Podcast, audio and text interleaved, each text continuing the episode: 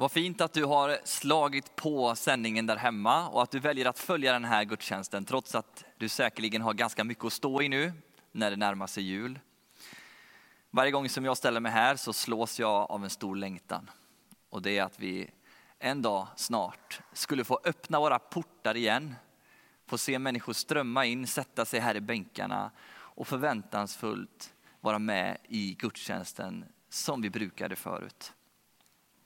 Vi får väl helt enkelt sätta upp skärmar här i bänkarna har jag tänkt ibland så vi kan ringa upp er på Zoom och se era ansikten när vi medverkar här framifrån. Det skulle hjälpt oss. Men riktigt där är vi inte än. Den text som John alldeles nyss läste, den kanske du inte hörde om du följer detta via podden i efterhand. Men då kan du veta det att vi läste från Lukas 1, 46 till 55 och det är Marias lovsång som står i centrum, centrum under den här predikan. För exakt en vecka sedan så firade vi Lucia. Tyvärr så såg i alla fall inte jag något Lucia-tåg live i år. Men om man minns tillbaka på tidigare år så brukar ju det här vara otroligt stämningsfullt.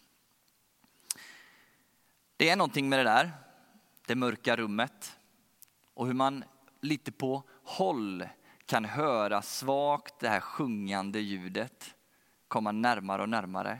Och ljuset som kommer in i mörkret och mer och mer uppfyller hela det rum där åhörarskaran sitter förväntansfullt för att ta emot ljusets ankomst.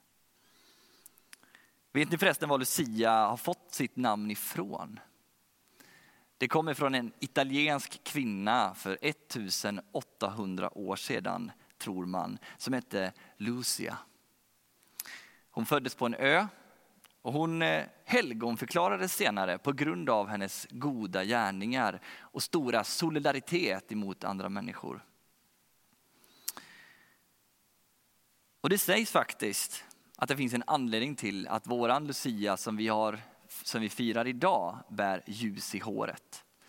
Kanske var det så att hon, för att kunna få med sig så mycket mat som möjligt ner i de italienska mörka fängelsehålorna, var tvungen att sätta ljuset i håret för att kunna liksom, ja, få med sig mer av det hon ville ge till dessa fängslade människor. Och du kanske inte tänker på det, men det finns faktiskt ganska många likheter här emellan Lucia, Lucia och Maria, Jesu egen mor. För det första så var båda ljusbärerskor som fick bära ljuset in i den här världen. För Marias del var det ännu mer påtagligt. I Bibeln kallas Jesus för världens ljus. Och Maria fick på ett väldigt påtagligt sätt bära det här ljuset ja, men i sin egen kropp in i våran värld. Det sanna ljuset som ger alla människor ljus, står det i Johannes 1 och 9. Det fick Maria ge till oss andra. Men det finns en sak till här som är liknande i de här två bilderna av Lucia och Maria. Det är att i båda dessa fall så finns det en smygande effekt den som jag var inne på när jag målade upp bilden av ett Lucia-firande tidigare. I början så anar vi bara rösterna och ljuset finns en bit bort. Men det kommer liksom hela tiden närmare oss och tar mer och mer plats i det sammanhanget där vi finns. Jag vet inte om du har tänkt på det, men när Jesus talar om Guds rike, alltså det som Gud längtar efter för våran värld, så är det ganska ofta med bilder där någonting som är väldigt litet sakta växer och blir större och större och större. Allra tydligast blir det kanske bilden av surdegen. Det är ju populärt nu att baka med surdeg. Så kanske den passar också ganska bra just idag. Det är inte så att man strör den här degen eh, över någonting bara sådär. Utan det ska bakas in helt och hållet i degen. Och först är det bara en liten, liten del. Men effekten av den ja, men, blir större och större och till slut är den inarbetad i hela degen. Gud jobbar inte på samma sätt som den grekiska guden Eros, om ni har läst i den grekiska mytologin. Alltså som skjuter sådana här kärlekspilar på människor lite ja, ovanifrån så. Utan Gud kommer in underifrån. Han arbetar in sin kärlek och sin längtan för den här världen underifrån. Genom att det föds ett barn i ett stall.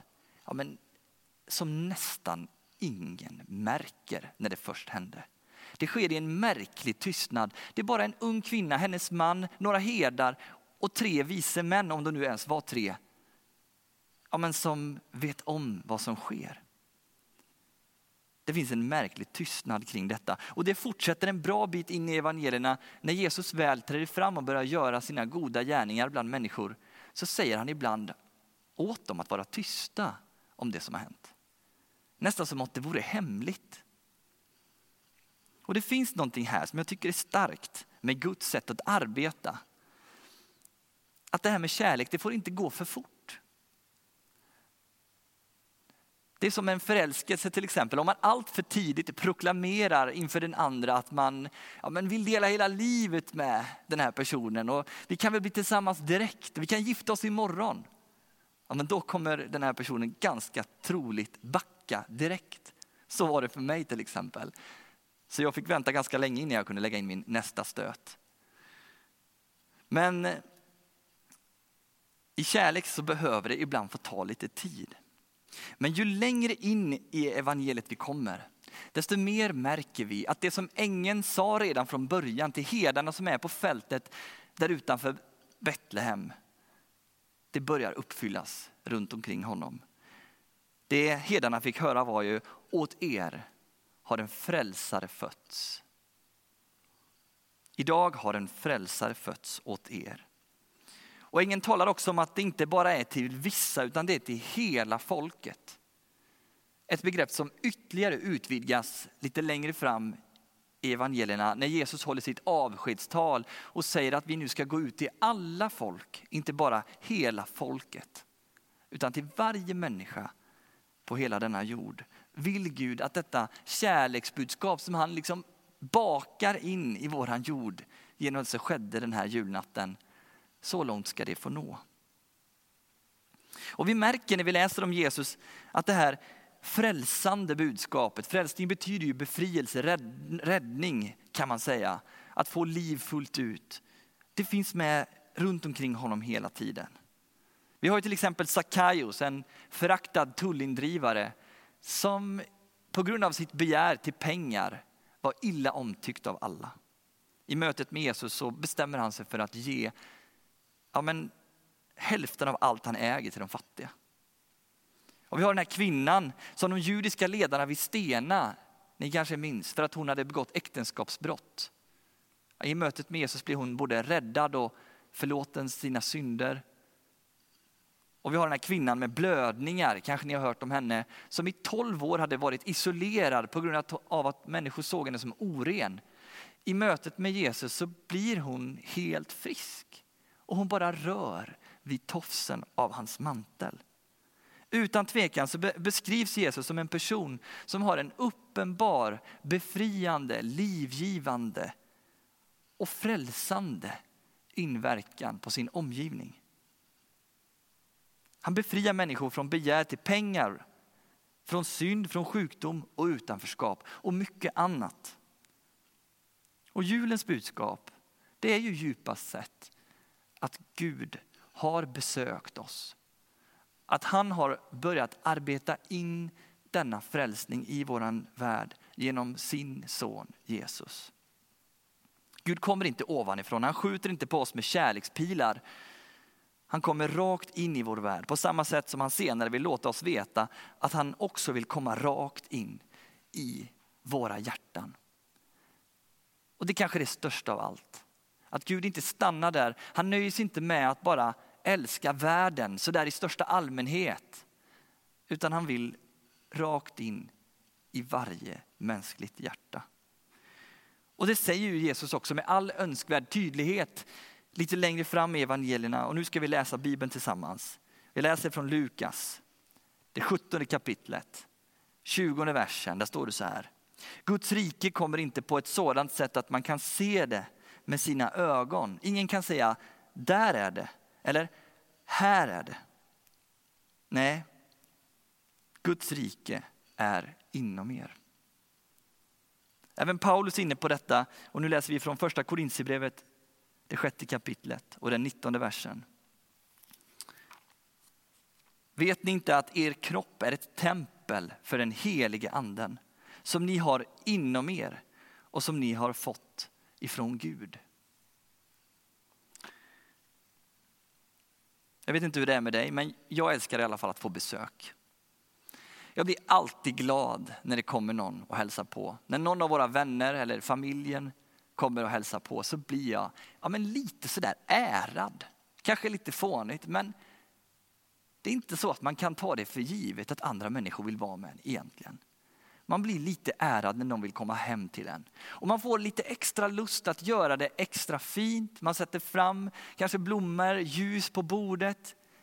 Man ställer sig ibland och bakar. Det gör gärna jag. Någon god kaka, att det får vara nybakt, dofta gott av kaffe och söt kaka när man kommer in i huset. På Jesu tid var det på samma sätt. Kanske ännu mer. Kom någon på besök, på besök så ville man passa upp den gästen. Man gav välkomstkyss, man tvättade ibland fötterna och man erbjöd olika oljor för att man skulle känna sig välkommen hem till den här personen där bjudningen var. Gud har besökt vår värld. Och han har också dröjt sig kvar genom att han har lämnat sin heliga ande till var och en av oss som finns i våra hjärtan så vi kan uppleva den kärleken inom oss. Gud kräver inget av oss tillbaka, egentligen. Men såklart längtar han efter att få bli mottagen. Inte bli bortvisad i dörren. Utan bli mottagen, inbjuden. Såklart blir han glad om vi öppnar våra hem. Om vi bjuder tillbaka, ger honom någonting tillbaka, visar vår kärlek. Och kanske också är beredda att berätta för andra om det vi har varit med om. Och detta är egentligen väldigt naturligt. Vi människor vill vara med och bidra. Det är ingen som tycker att det är särskilt intressant med en tro eller med en relation där det bara handlar om att ta emot och där man aldrig får vara med att ge någonting tillbaka. Utan tvärtom så är det nedlagt i oss. Det är en förmåga vi har ärvt av Gud. Att vi mår bättre, blir helare människor om vi lär oss att använda den här förmågan att älska andra och att också ge av det vi har till andra. Och en som verkligen gjorde det, det var Maria. Och därför är hon en förebild för mig och för många andra. Hon var en kanal för Guds kärlek.